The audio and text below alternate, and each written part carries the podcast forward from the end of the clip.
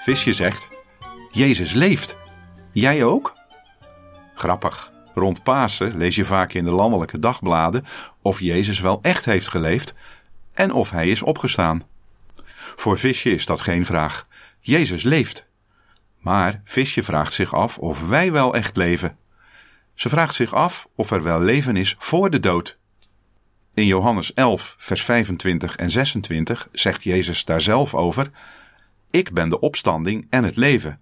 Wie in mij gelooft, zal leven, ook wanneer hij sterft.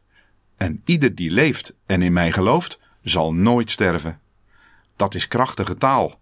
Maar als je serieus in een gebed aan hem vraagt of dat wel klopt, dan gaat hij je laten zien dat dat echt zo is. Als je je overgeeft aan hem, dan maakt de Heilige Geest dat duidelijk en weet je dat je echt leeft in het licht en later voor altijd bij hem mag zijn. Ja, Jezus leeft en wij mogen dat ook.